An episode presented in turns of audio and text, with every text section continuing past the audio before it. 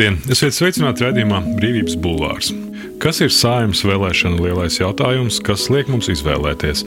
Kā vēlētāju izvēles ietekmē vai varētu ietekmēt Latviju ilgtermiņā, vai mūsu elektorāts atpazīst savas kļūdas? Saimnes vēlēšana fonds ir notikumi Krievijā, kur pagājušajā nedēļā Putins izsludināja daļēju mobilizāciju, turpina draudēt ar kodolkaru un atsevišķu Ukrainas teritoriju pievienošanu Krievijai, it kā organizējot tā saucamo referendumu.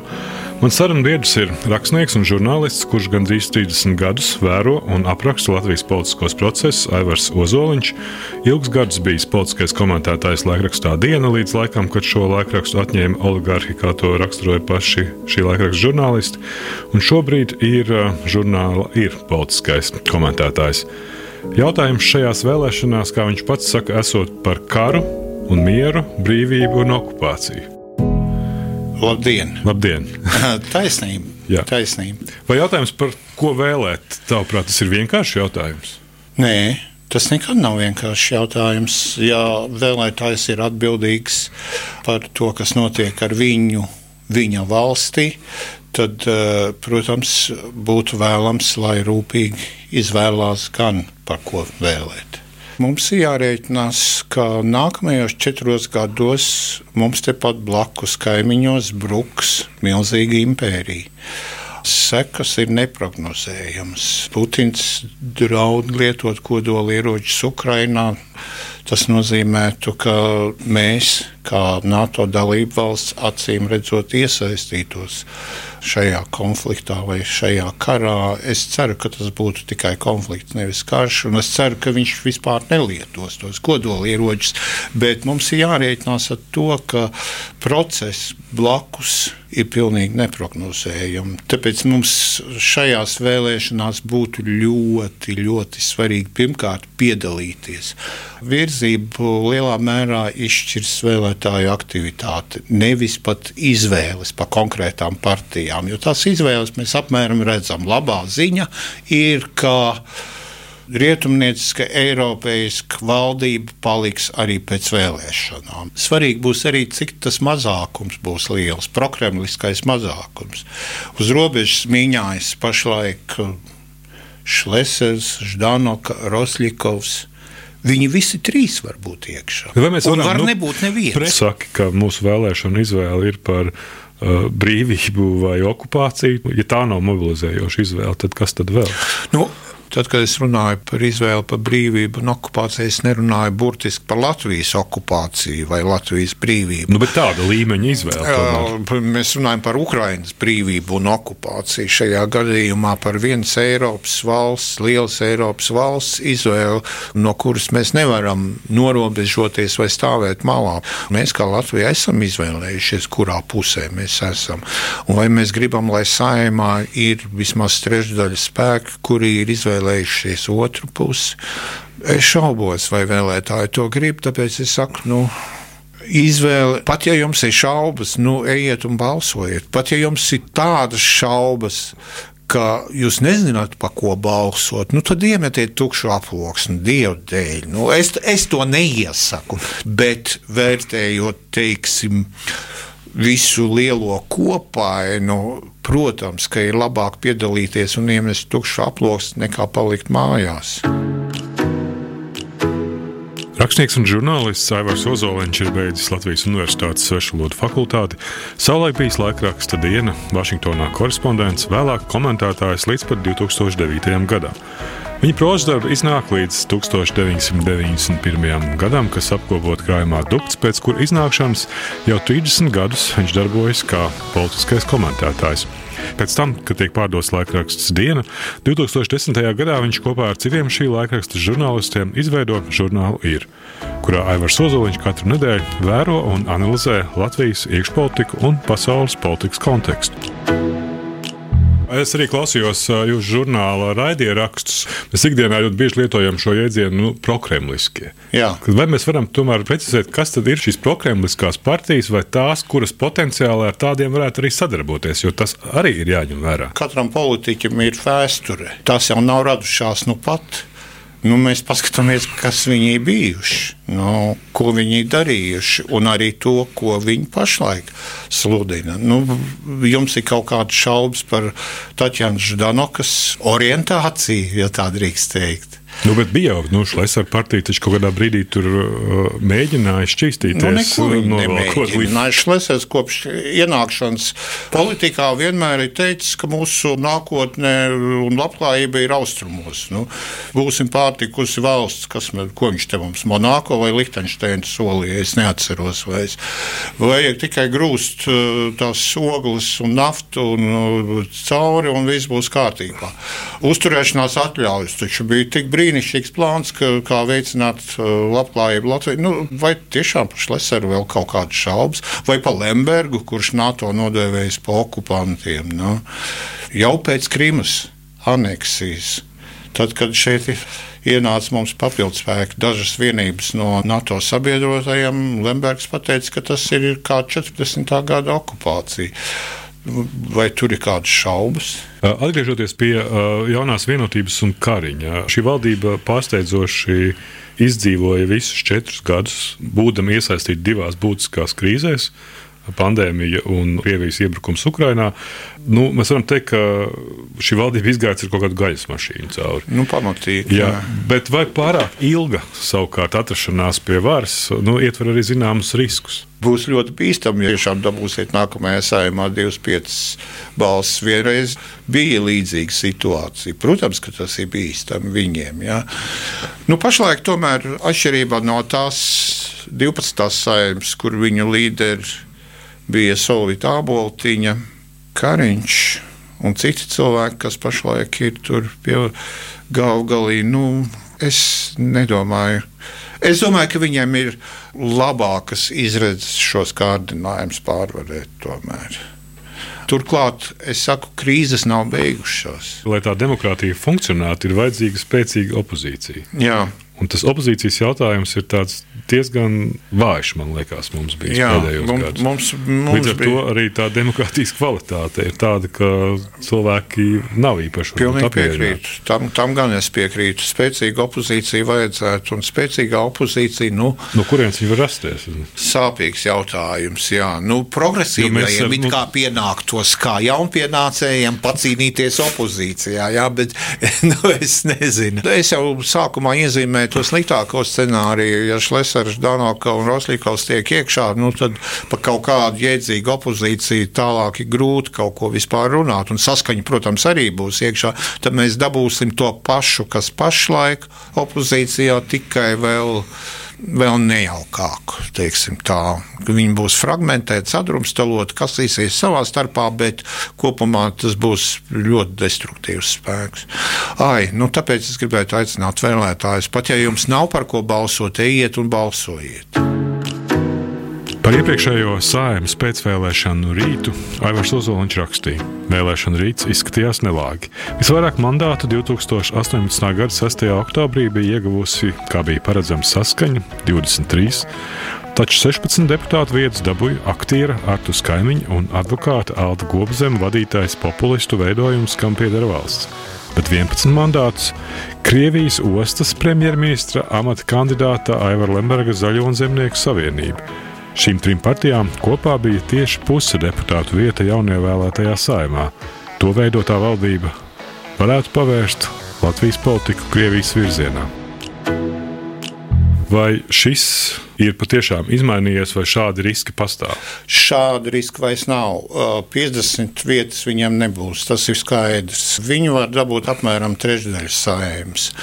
Bet sākas nianses. Ja viņi dabūtu trešdaļu nu, līdz 40 vietām saimā, es te ieskaitu arī zaļos zemniekus klāt, un Šleseru, un Ždanoku un Roslikovu, ja viņi iekļūst tad kādas būs tās attiecības ar valdošās koalīcijas partijām?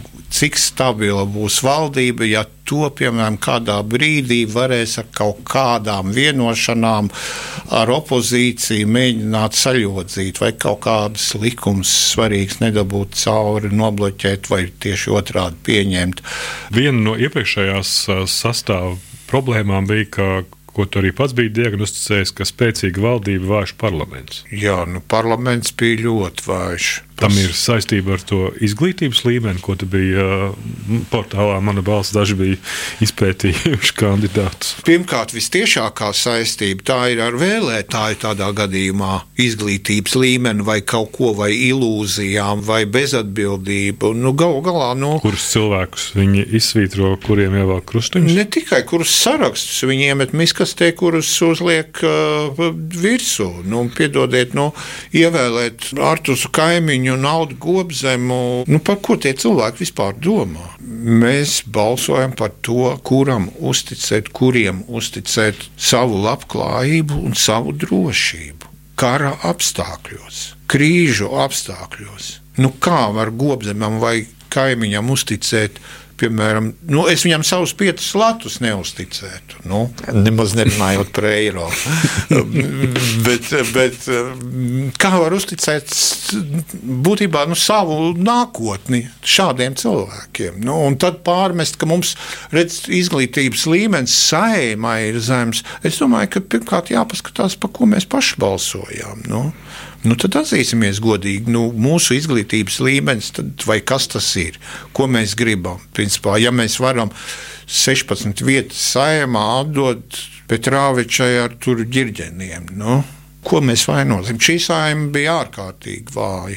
Gan izglītības līmenis, gan politiskā atbildība bija ārkārtīgi vāja. Pašlaik saimā ir 21 deputāts, kas nepieder nevienai frakcijai lielākās frakcijas saskaņa. Lielākā frakcija zaudējusi piecus deputātus, zaļie zemnieki zaudējuši piecus deputātus.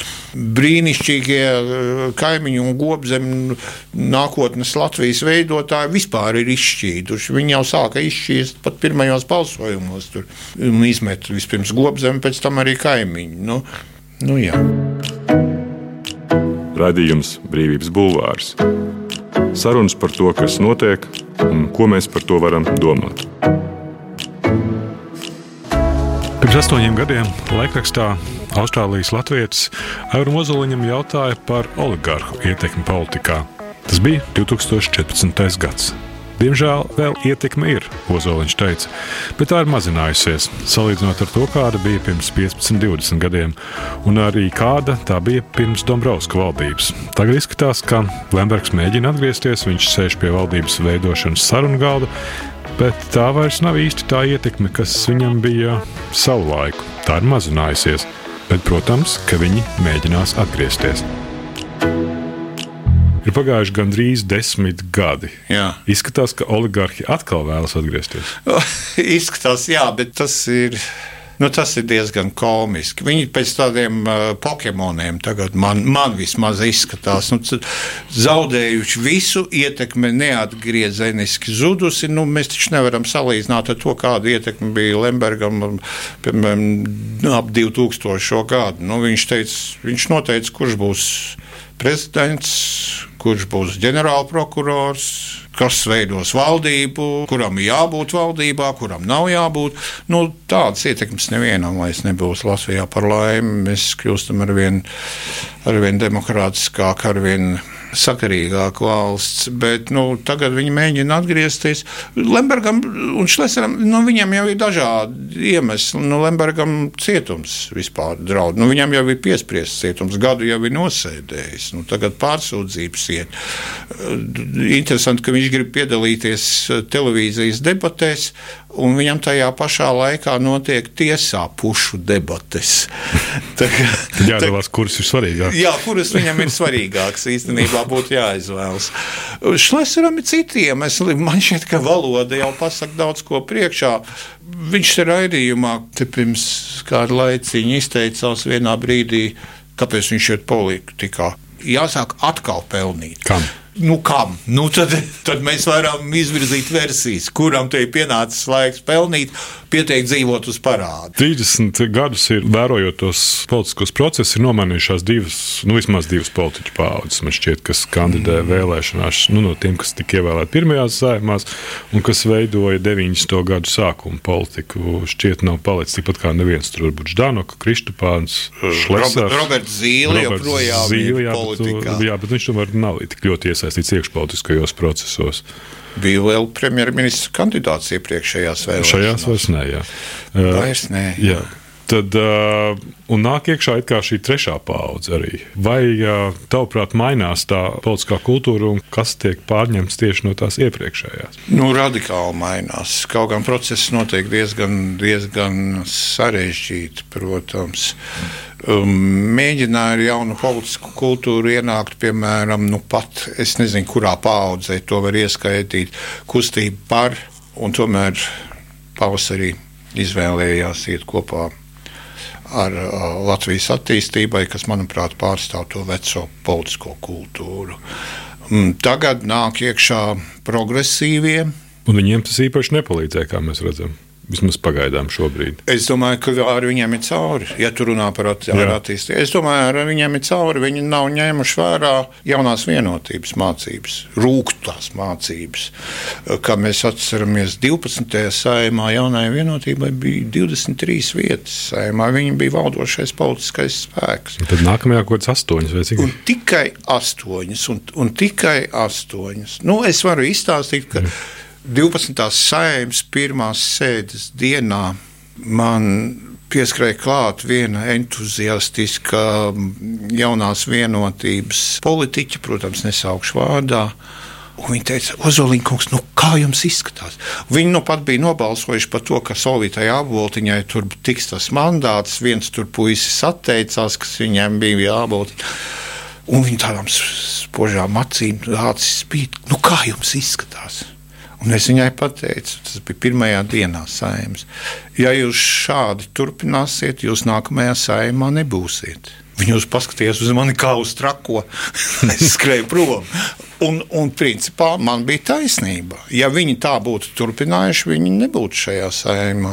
Uh, viņi knapi, knapi izķepurojās. Viņam nācās tur diezgan smagi izcīnīt iekšējās cīņas. Solvitā botiņa prom ir Romā. Citi tur ietekmīgi cilvēki, viens tukumā, mm. otrs nezinu kur. Viņi ir atgriezušies. Viņi ir atgriezušies kā nopietns politisks spēks, kurš būs arī nākamās saimas iespējams vadošais politiskais spēks.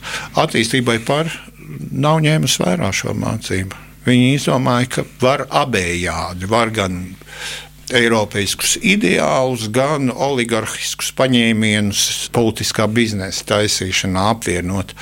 Nu, nevar apvienot. Nu, nevar. Es domāju, ka ar viņiem ir cauri. Viņi, protams, būs vēl nākamajā sēmā, bet šādā stilā turpinot, nu, viņam nav nekādas nākotnes. Un, nu, viņam jau uz papēžiem ļoti nopietni min progresīvie.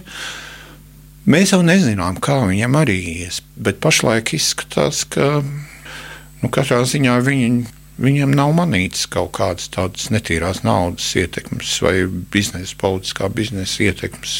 Nu, ir tikai Rīgas domas pieredze. Gan. Pagaidām Jā, ir tikai nu, tā, viņam nav ko mēs varam tur ir, tur ir. Viņi nav bijuši pie varas. Tur ir cilvēki, kurus nu, es pat pazīstu. Tur ir vairāk cilvēku, par kuriem nav šaubu, ka viņi ir godīgi un patrioti.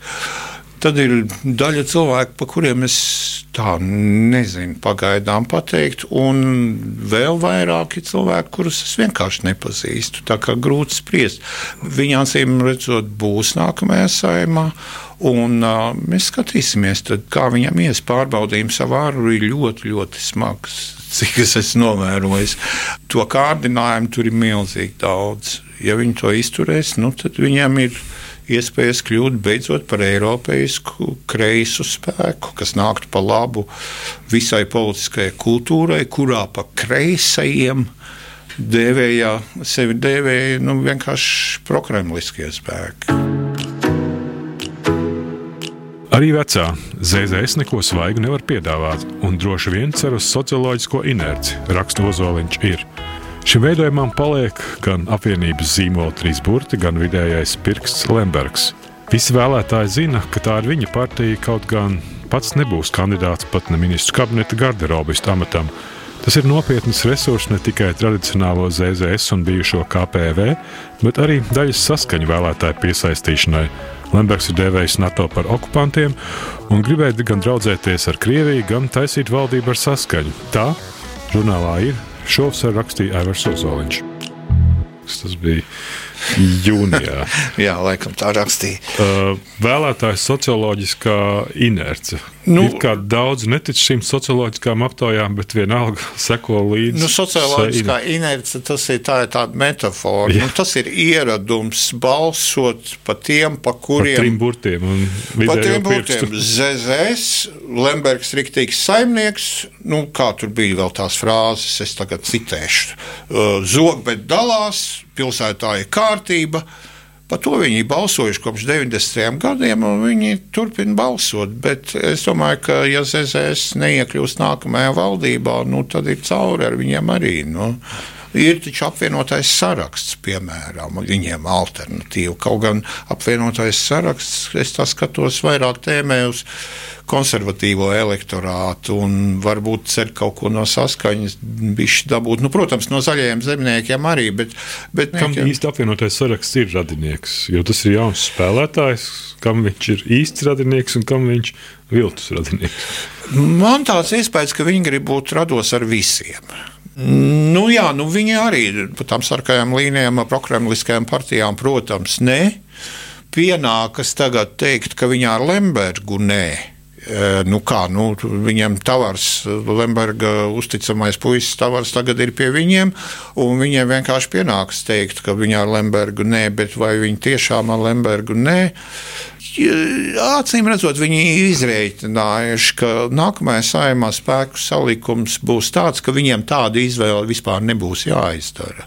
Vai nu viņi būs valdībā un zemnieki ārā, U, jā, nu, visticamāk, viņi cer, ka viņi būs valdībā un zemnieki paliks opozīcijā, un tur vispār nebūs jautājumu par to, vai arī, arī, arī zaļo zemnieku tur vajag tajā valdībā. Un viņam ir tādā ziņā viņam ir diezgan vienkārši. Viņi mēģina aptvert diezgan plašu laukumu, no katra dabūt pa bišķiņam kaut ko zinādami um, Latvijas sabiedrības vēlmi pēc kaut kā jauna, vēlēšanās, viņi var justies diezgan labi eh, pašlaik un droši, ka viņi būs ne tikai saimā, bet kas to lai zina, tur gan procenti nāks uzreiz klāt, jārēķina būs varbūt arī valdībā. Jā. Kariņš gan cers, ka saglabās tādu pašu koalīciju kā pašlaik, bet nu, redzot, ka konservatīvie ir uz 5 procentu robežas var arī neizdoties. Un attīstībai par arī var nebūt. Nu, viņam nebūs 16 vietas, kā pašlaik saimā.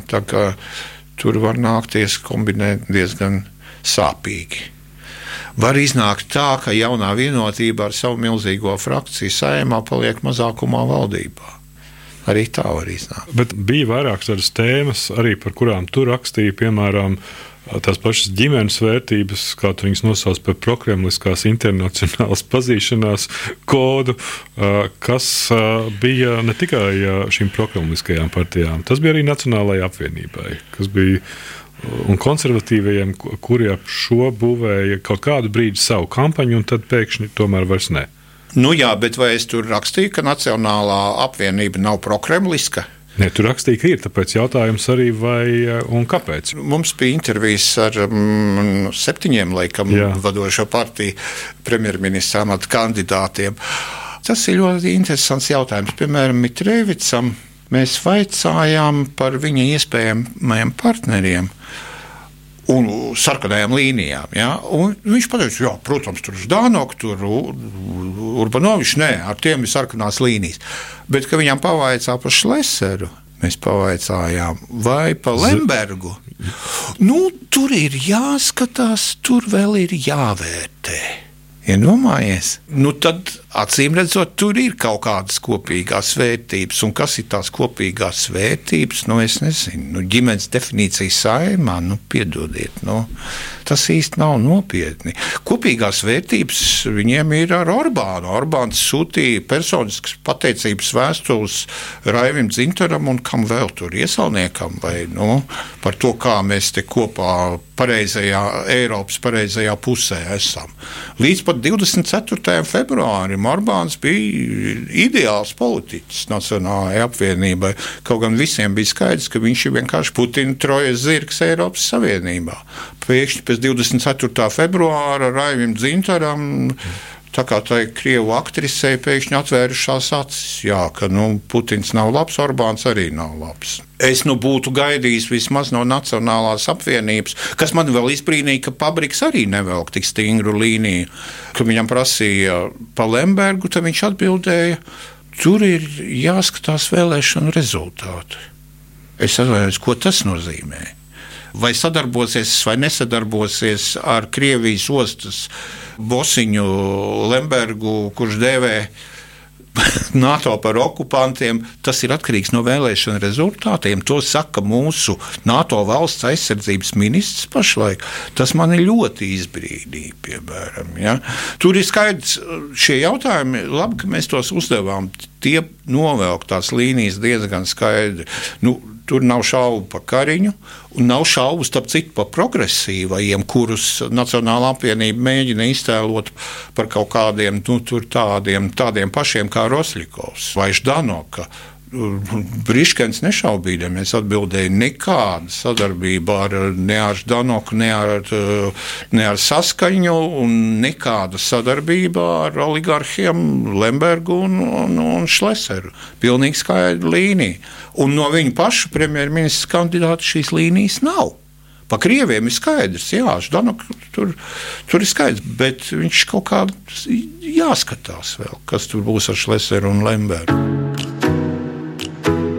Pēc SKDS aptaujas gadu pirms 14. sājumas vēlēšanām tikai 14% no aptaujātiem uzskatīja, ka labāk būtu, ja varu saglabātu pie varas esošās partijas un politiķi.